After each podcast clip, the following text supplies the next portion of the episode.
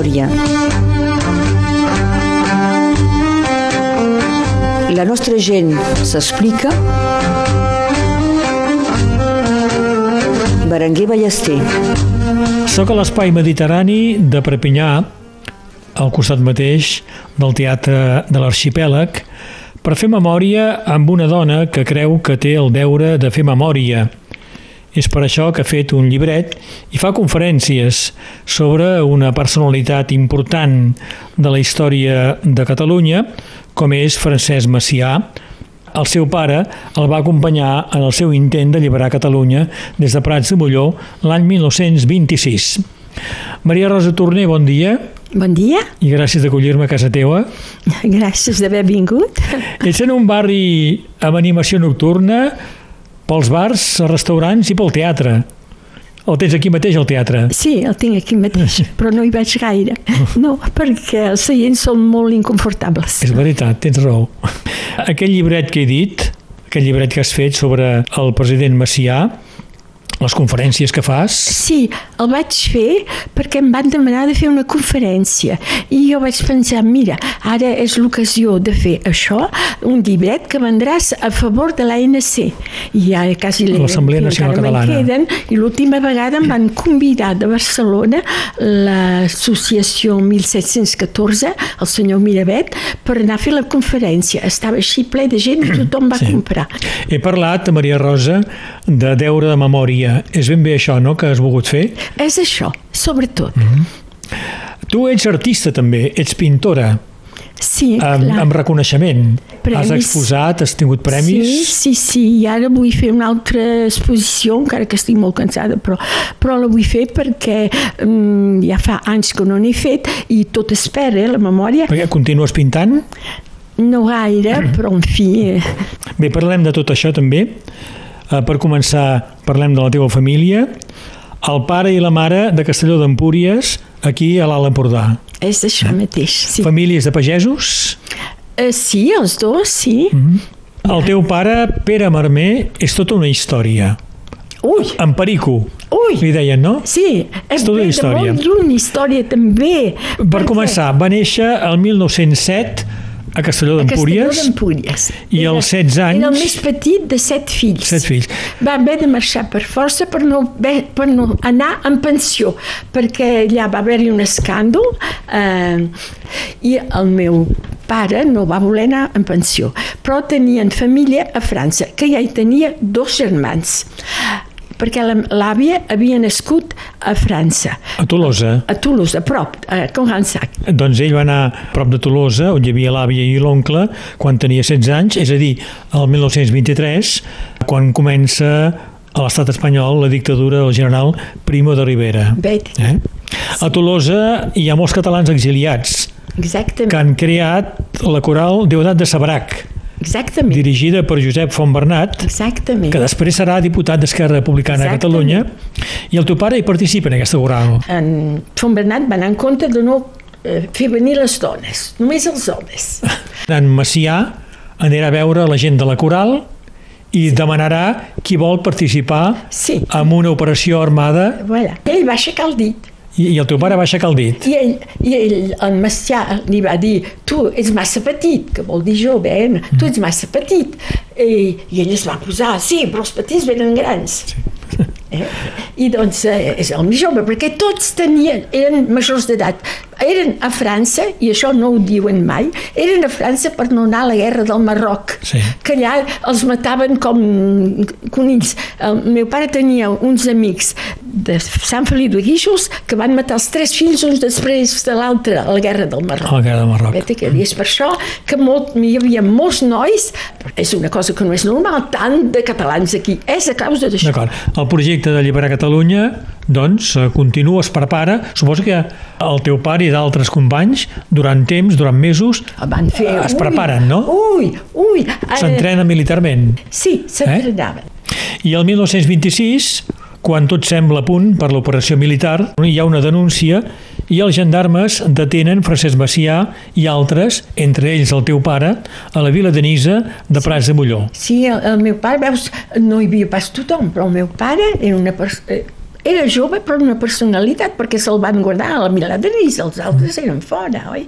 Eh, estava ben bé al costat d'en Macià. Els, el, els caps a la Milà de Nis sí. i el meu pare estava en una habitació allà que no va sortir, eh? El grup que ve de Tolosa és detingut a Estagell. El teu pare ho explicava, això? Sí, tot això ho explicava, ens va explicar una vegada que eh, hi havia Bordes de la Cuesta, portava les armes, Eh? El meu pare, quan era aquí, amb en Rovira, eh, en Rovira tenia un gos. I no, la, la mestressa de l'hotel no volia aquell gos i és el meu pare, doncs va dir me l'agafo jo. I en aquell pati de, de Toulouse quan no hi havia gent, doncs se'n va anar amb una casa que ven, llogaven vestits de teatre i va agafar una, un vestit de gendarme i el va omplir de palla i va aprendre el gos a guissar quan eh, hi havia el, el, els gendarmes. Quan, quan veia el gendarme? Sí, i doncs un dia arriben amb el camió eh, eren bordes de la cuesta sempre amb el seu barret de copa, oi? com un gran senyor, que estaven eh, agafant les caixes plenes d'armes i els entraven a la vila de Nisa. I llavors moltes també van anar més lluny.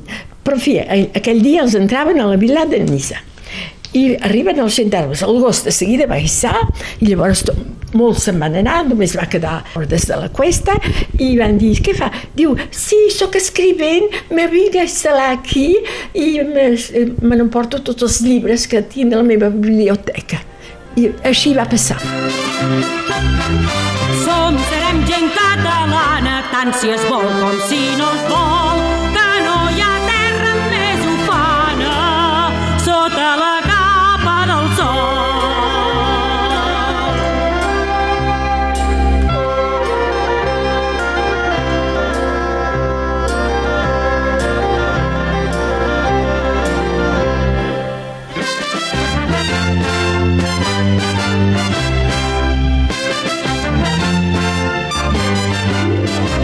va passar-hi en primavera i tot cantava el seu pas.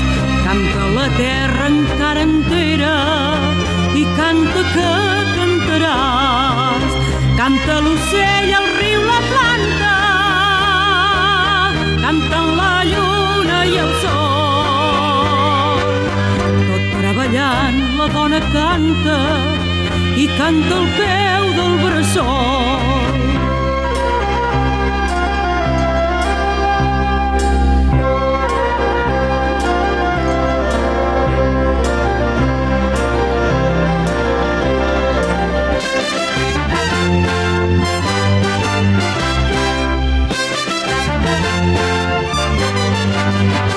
El teu pare, Maria Rosa Torner, què deia d'en Macià?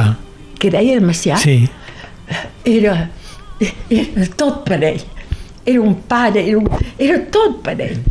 Sí. Era un personatge extraordinari, no, Macià? Perquè la gent li deia l'avi. Sí. Tenia un carisma especial, no? Exactament, exactament. Macià i altres 16 responsables van ser jutjats a París i el teu pare va ser desterrat a Bèlgica. Eh, sí, eh, doncs eh, tots els que no tenien importància van poder marxar, però desterrats a Bèlgica.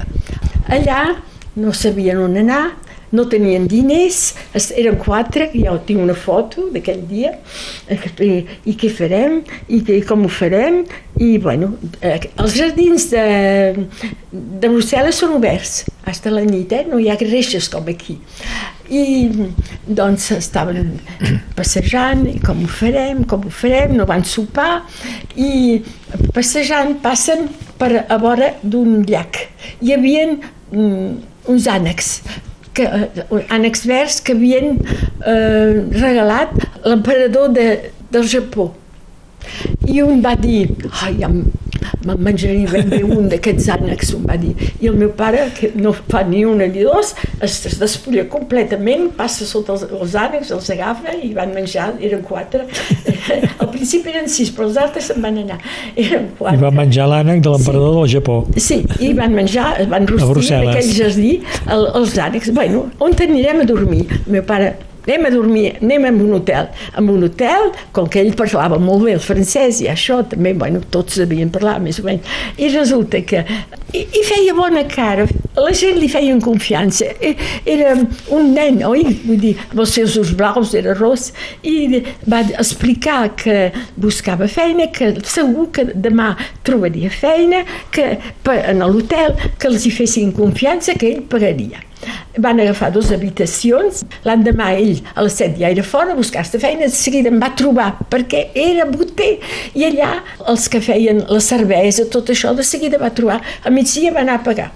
Ah, Per dir, per tots. l'hotel, molt bé. Eh? Era així. El... Finalment, l'any 1931, el 14 d'abril, Francesc Macià guanya les eleccions municipals amb Sí. un partit que acabava de crear, Sí. Esquerra Republicana de Catalunya, i proclama la República Catalana, que acabarà sent, finalment, Generalitat de Catalunya. El meu pare treballava de boter, al vespre arribava cansat, ja havien posat un pis moblat a, a crèdit, tot, un- era preciós el pis, la mama ja m'esperava, em penso, i eh, llegia el diari com cada vespre, eh, la, la depêche de midi.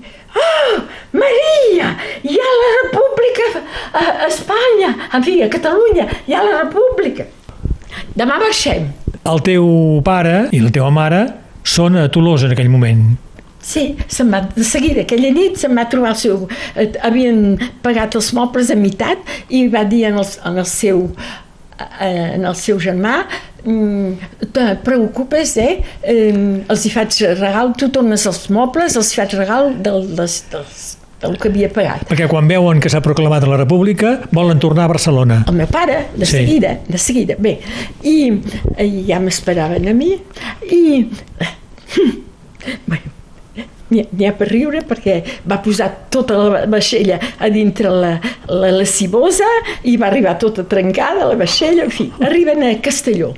A Castelló eh, es va a trobar el Bordes de la Cuesta, que ja era allà i que era alcalde ja de seguida i va dir, eh, vinc a dir-li que ja sóc aquí, que digui al senyor Macià el- o el president que sóc aquí, eh, que em poso a la seva disposició. Però en Bordes de la Cuesta no va fer res. Ell va començar eh, a anar a Roses a treballar, però va, llavors va trobar feina a Figueres, van llogar un pis i es van establir a Figueres, ell com a boter. En Macià ve a vis visitava totes les viles, eh? Arriba en Macià. Ell surt de, surt de la feina, amb bleu de treball, eh? amb blau de- de- d'això. I, I arriba en Macià. Hi havia en Samper, en Samper, amic d'ell, que obria el pas. Quan veuen Perico. Perico, es van abraçar, es gira, és en Perico. En, el, ah, com es diu? L'escrivent, El Ventura Gasol. en Ventura Gasol, que era a l'esquerra, es gira cap al Macià i li diu és en Vermer. En Macià para tot el seguici per anar a abraçar en d'això. El teu pare. I diu, què fas aquí? I diu, mira, he, dit en d'això que estava al seu servici, però com que no he rebut, ara m'he buscat feina, de, de, he llogat un pis, estic, visc aquí ara. El teu lloc no és aquí, demà t'esperem a Barcelona. Ho va deixar tot, eh? la mare eh, se'n va anar eh, a casa dels pares i ell se'n va eh, d'això. De principi no sabia on posar-lo, eh? a quin lloc posar-lo amb ell eh, li van dir què saps fer? Mira, he anat a l'escola fins als 16 anys, he après la comptabilitat, he après a fer una cartes de comerç, he après tot. I, i tenia una passió, és, eh, també els havien ensenyat com funcionava el telèfon, com funcionaven les ràdios, tenia una passió per això. Però, en fi, en aquest moment el van posar a impostos. I va, va acabar jefe d'impostos i, i va salvar molta gent de l'això, perquè en sabia molt, eh? Bon, I de la gent que no podien pagar, perquè van augmentar molt els impostos, eh? En aquest moment hi havia gent que estaven una mica amoïnats i doncs eh, els hi feia així, eh, eh? d'això. Eh, buscava això, el, si eh, era a sobre, ja que eh, ja havia tingut la, la convocatòria. I doncs eh, deia, el posava sota, sortirà d'aquí sis mesos, podrà pagar? Diu, sí, sí, vet aquí. I així ho feia per salvar la gent. Així és que tenia molts amics després. Eh? Bon, finalment, amb tot això, arriba la, la guerra.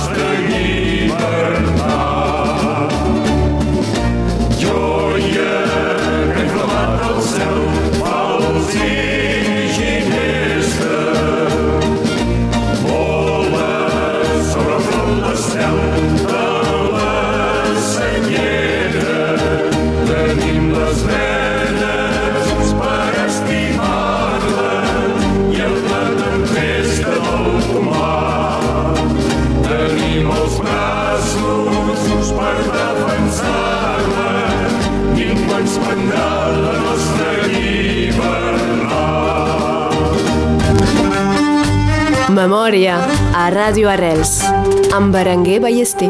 Maria Rosa Torner, al 36, s'esclata la guerra Sí. i el teu pare la fa com a responsable de la radiotelefonia. Primer el van posar eh, amb els soldats, no, no els soldats, un policia no sé què.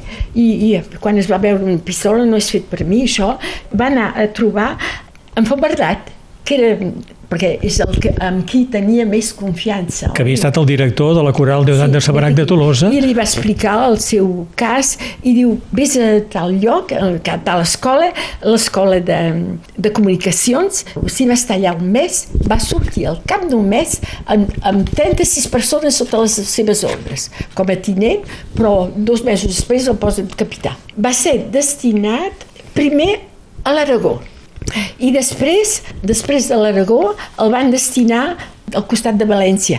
Se'n va tirar tan bé, eh, eh, ho va fer tan bé, que el van, al, al cap de poc temps, el van, van dir que li posaven els galons de comandant. Va venir, era comunista, el senyor que era comandant o general, un general que li va posar els galons, tenia tots els seus 36 soldats allà que esperant que li posessin això, i li posa els galons. I li fa la colada, i a l'orella diu, espero que ahora se hará del partido, era comunista. I el meu pare contesta, yo no lucho por ningún partido, yo lucho por la libertad de mi país. Ell li arrenca els galons, gira la i se'n van anar. Tots allí, carats.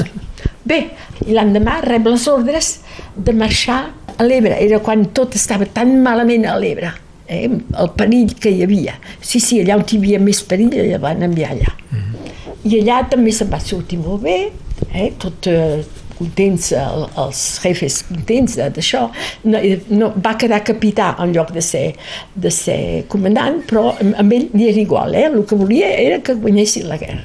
I el 1939 fa la retirada, passa pel camp d'Argelers, d'on s'escapa fent-se passar per un francès. Exactament. Ell parla molt bé francès. I arriba en bicicleta a Tolosa, on hi sou tu, el teu germà i la teva mare. Però com ho saps, tot això? Ho sé.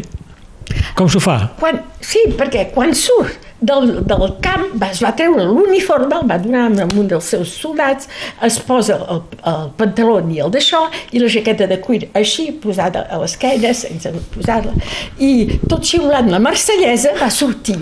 I el senegalès li diu, eh, allez-vous?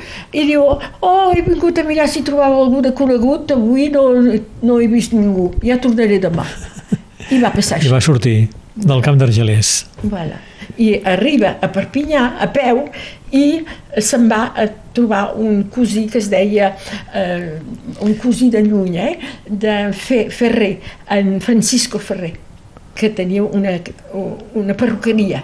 Eh, va veure la bicicleta, eh, li van donar menjar i va veure la bicicleta i diu, me la deixes, ja te l'enviaré per, eh, per el tren. I diu, no, no, te la dono perquè jo no, no me'n serveixo mai. I tota la vida de França la va fer amb aquella bicicleta. I va arribar a Tolosa amb la bicicleta. Sí. De Perpinyà a Tolosa. El teu pare participa a la resistència, ajuda a escapar-se molta gent.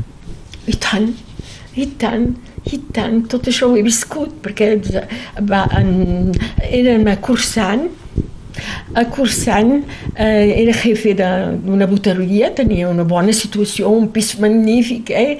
eh I en Rovira el ve a veure, que jo, com sempre, sóc jo que vaig deixar la meva habitació, perquè era la més maca, plena de dibuixos, i resulta que va arribar, eh, va venir a veure, li va explicar que treballaven pels anglesos.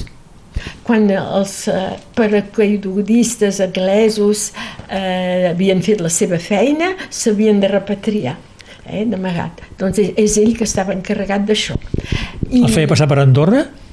Eh, sí, Sí. Sí, sí, vam anar a vi- viure... Ah, eh, saps per què? Per Andorra. Perquè, diu, ja sé com ho faré, tinc un, tinc un germà que és eh, director d'una eh, una una serradora a Axle Terme.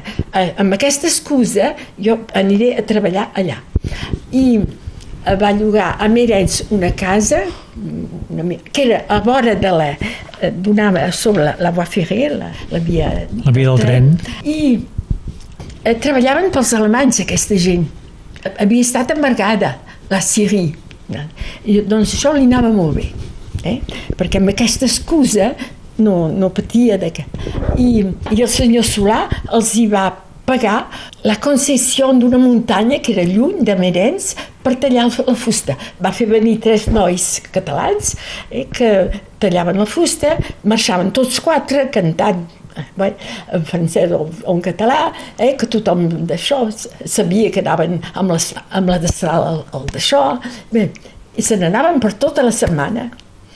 Però ell eh, marxava amb ells, però llavors reculava i anava a buscar els anglesos. Perquè el van agafar en un moment, eh? I i el van agafar en un moment on- hi era jo, que vaig plorar tota la nit. Eh, el van venir a buscar, els alemanys, i llavors el meu, el meu oncle va anar a dir en els alemanys com ho faré sense ell? La fusta és per vosaltres, eh? Tant vist per vosaltres, és ell que ho fa tot. Eh? I el van de, deixar. van deixar. Voilà. I a la nit, sovint, jo la meva finestra donava a, a, la, a la via ferrada, a la via del tren, i sentia trucar en els porticons, tac, tac, tac, tac, i jo, papa, papa, han trucat. No tinguis por. Eh, Feia entrar una persona, eh, un home, Passava per la teva cambra. voilà, i ningú havia vist res. Vet aquí. Una persona que s'havia d'escapar. Sí, D'acord. o, o, o agafar ordres, Sí. o que sé, Ah, fos, un contacte no sé, podria jo ser no també. sabeu res, eh, d'aquesta gent que passaven per aquí.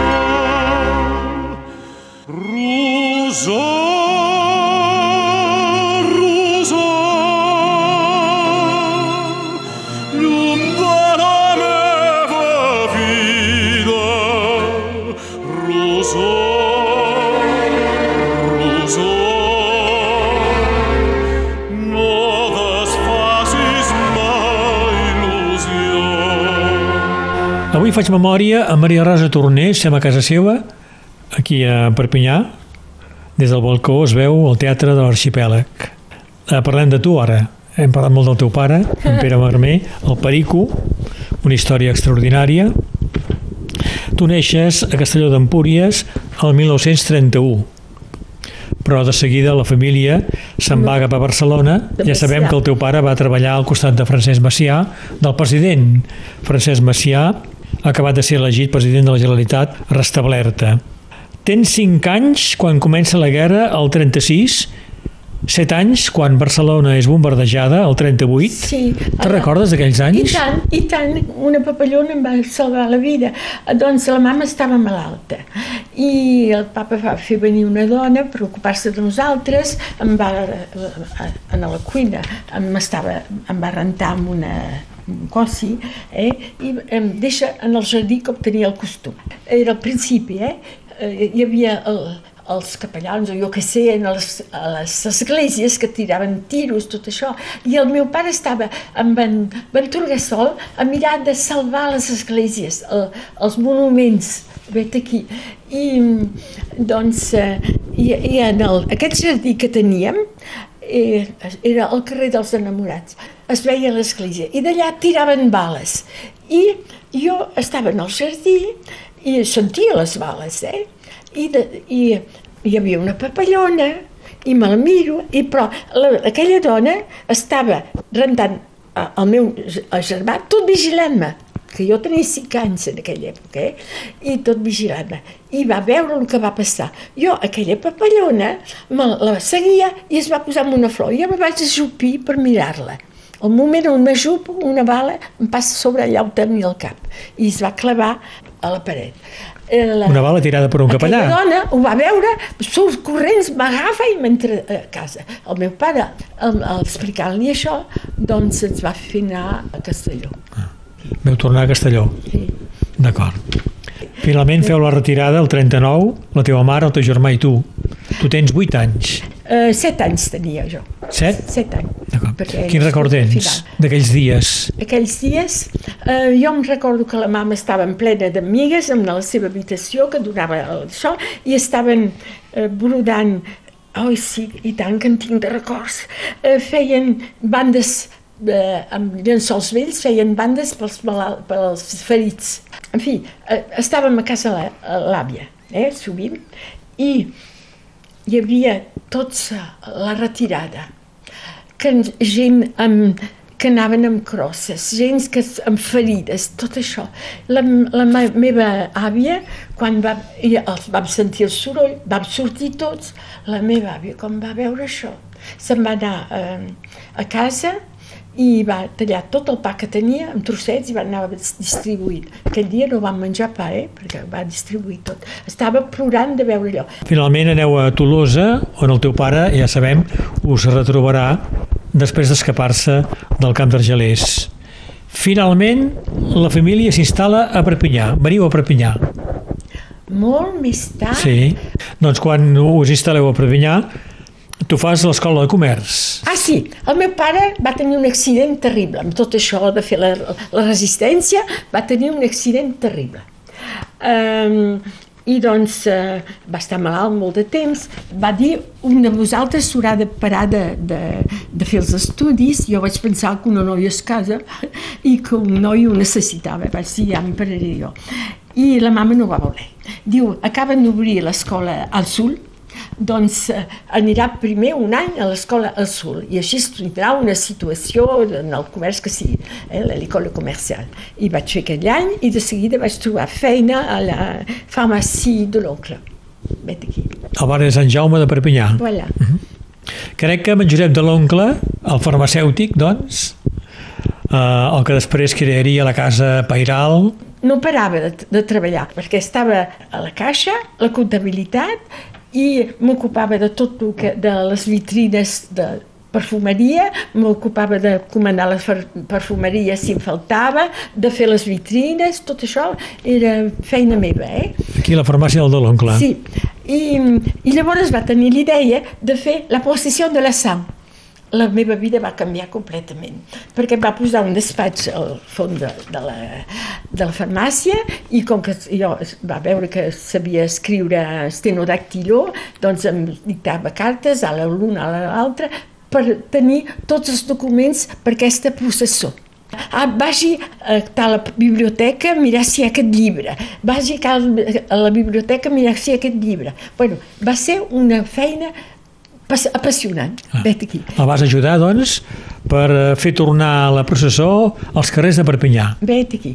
Quan va ser acabada, la mama va fer una depressió terrible i, està, i tot anava contra mi. No sé què tenia contra mi. La, va venir per vacances la meva, eh, la meva tia, es va donar compte que em tractava malament en aquell moment, la, la mama, que abans era tan... Doncs va dir, ens, ens l'emportem. I de seguida em van trobar feina aux Huiles Renault, a, a Toulouse. A Toulouse. Vas tornar a Toulouse, doncs. Sí, eh, i allà, eh, però estava, eh, des, després em van buscar un pis i, en fi, una habitació, una cuina, eh, a casa d'una senyora gran, i jo estava molt sola, i, i llavors el papa està destinat a Andorra. Llavors hi havia un batibull aquí entre els comunistes, tot això, i ell estava en relació amb el comandant el, le commandant Claire, qui era, era el, le maire de Queida, le commandant... En fi, tres comandants que eren de la prefectura. I ell estava pagat per la, eh, per la prefectura. Eh? Aquesta feina, doncs, anava... Havia, també continuava salvant gent. Eh?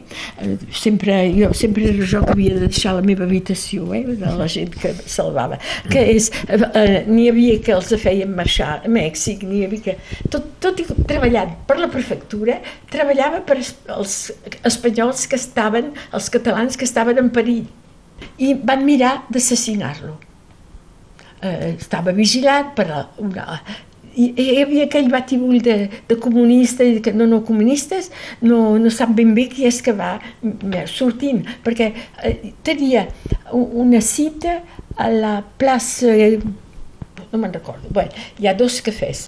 Ah, ah sí, el, el cafè de la posta, ara, ara ho veig. Ah, doncs, el cafè de la posta. Surt del cafè de la posta i ell per anar a, a la ruta de Cabestany, era aquesta vila, eh, doncs eh, agafa el camí a vora del, de l'avinguda de, de Platana, eh? i el van perseguir. A, a tiros, se'n va donar compte, ell es va salvar perquè era molt esportiu, eh, el pare, i doncs amb els, els arbres feia així, i llavors es va agafar en el, en el jardí, a la grilla, i va saltar, i, de, i, i per l'altre costat va anar a casa, i l'endemà se'n va anar a la prefectura, m'ha passat això. Vous êtes brûlé, c'est fini, vous ne pouvez plus travailler pour nous. Mais on, va, on a besoin de vous, on va vous envoyer à Andorre. Et comme couverture, vous serez le chauffeur du Villiers. Sardanes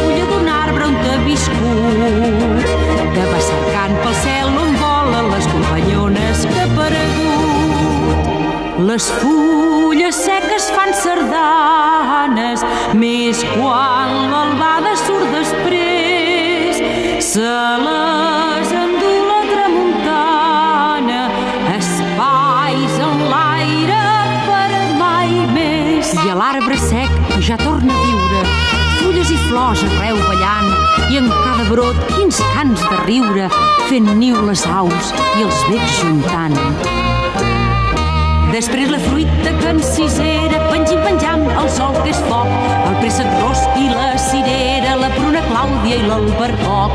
Oi, da, quin goig! Fem la rodona sardanejant de dia i nit. Les mans unim homes i dones, els ulls clavats a l'infinit. Maria Rosa Torner, ja he dit que ets una pintora que ha fet exposicions importants, que ha tingut eh, premis. El dibuix, la pintura, comença molt aviat per tu, no? Ja de ben petita. Els meus pares, per tenir-me tranquil·la, a la cadira de bebè, m'hi posaven un paper i un, i un llapis. I, I després, al veure això, el senyor Rovira, que quan va venir, em va regalar una, una capsa de, de, de colors, que me la vaig emportar a França. Eh?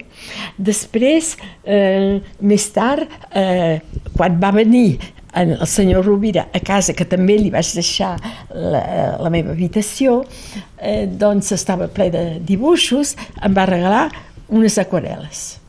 Bé, em ve d'això. La meva mare sempre també sabia dibuixar, m'havia ensenyat, eh, vet aquí. I finalment eh, pots anar a l'Escola de Belles Arts de Perpinyà. I quan vaig tenir els meus, eh, le, le brevet, jo volia fer les belles arts. I la, a la mama li van dir tots els pintors eh, acaben eh, miserables. I no, no em va permetre, eh? eh? Doncs sempre tenia aquesta d'això de pintar. Però si havia de fer un regal jo i no tenia diners, feia un dibuix i, i el regalava jo.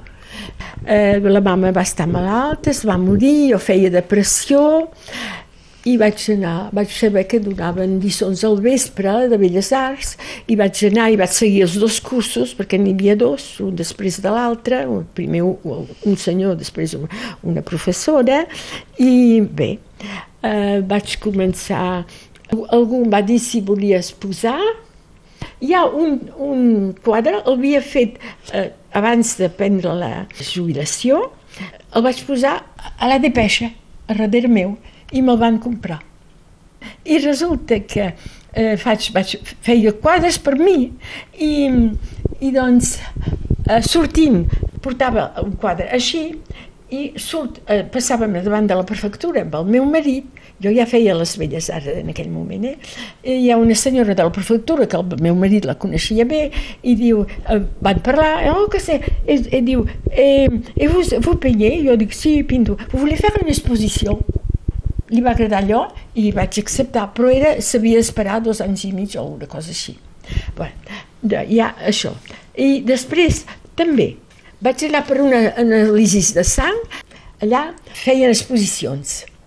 I, i jo sortint d'allà acabava de fer enquadernar un quadre i eh, l'ensenyaven al Leopold i surt un dels aquells metges, diu, ah, que vous peignez? Jo dic, sí, tinc alguns. Vol fer una exposició? Oh, sí. Bueno, I eh, em diu, d'aquí un mes, perquè ja n'hi havia una. I l'endemà em telefona i diu, m'ha agradat la seva pintura, vingui vostè, perquè li he dit que, no, que m'havia equivocat de data. A partir d'allà va, va ser tot, eh, tot va anar així.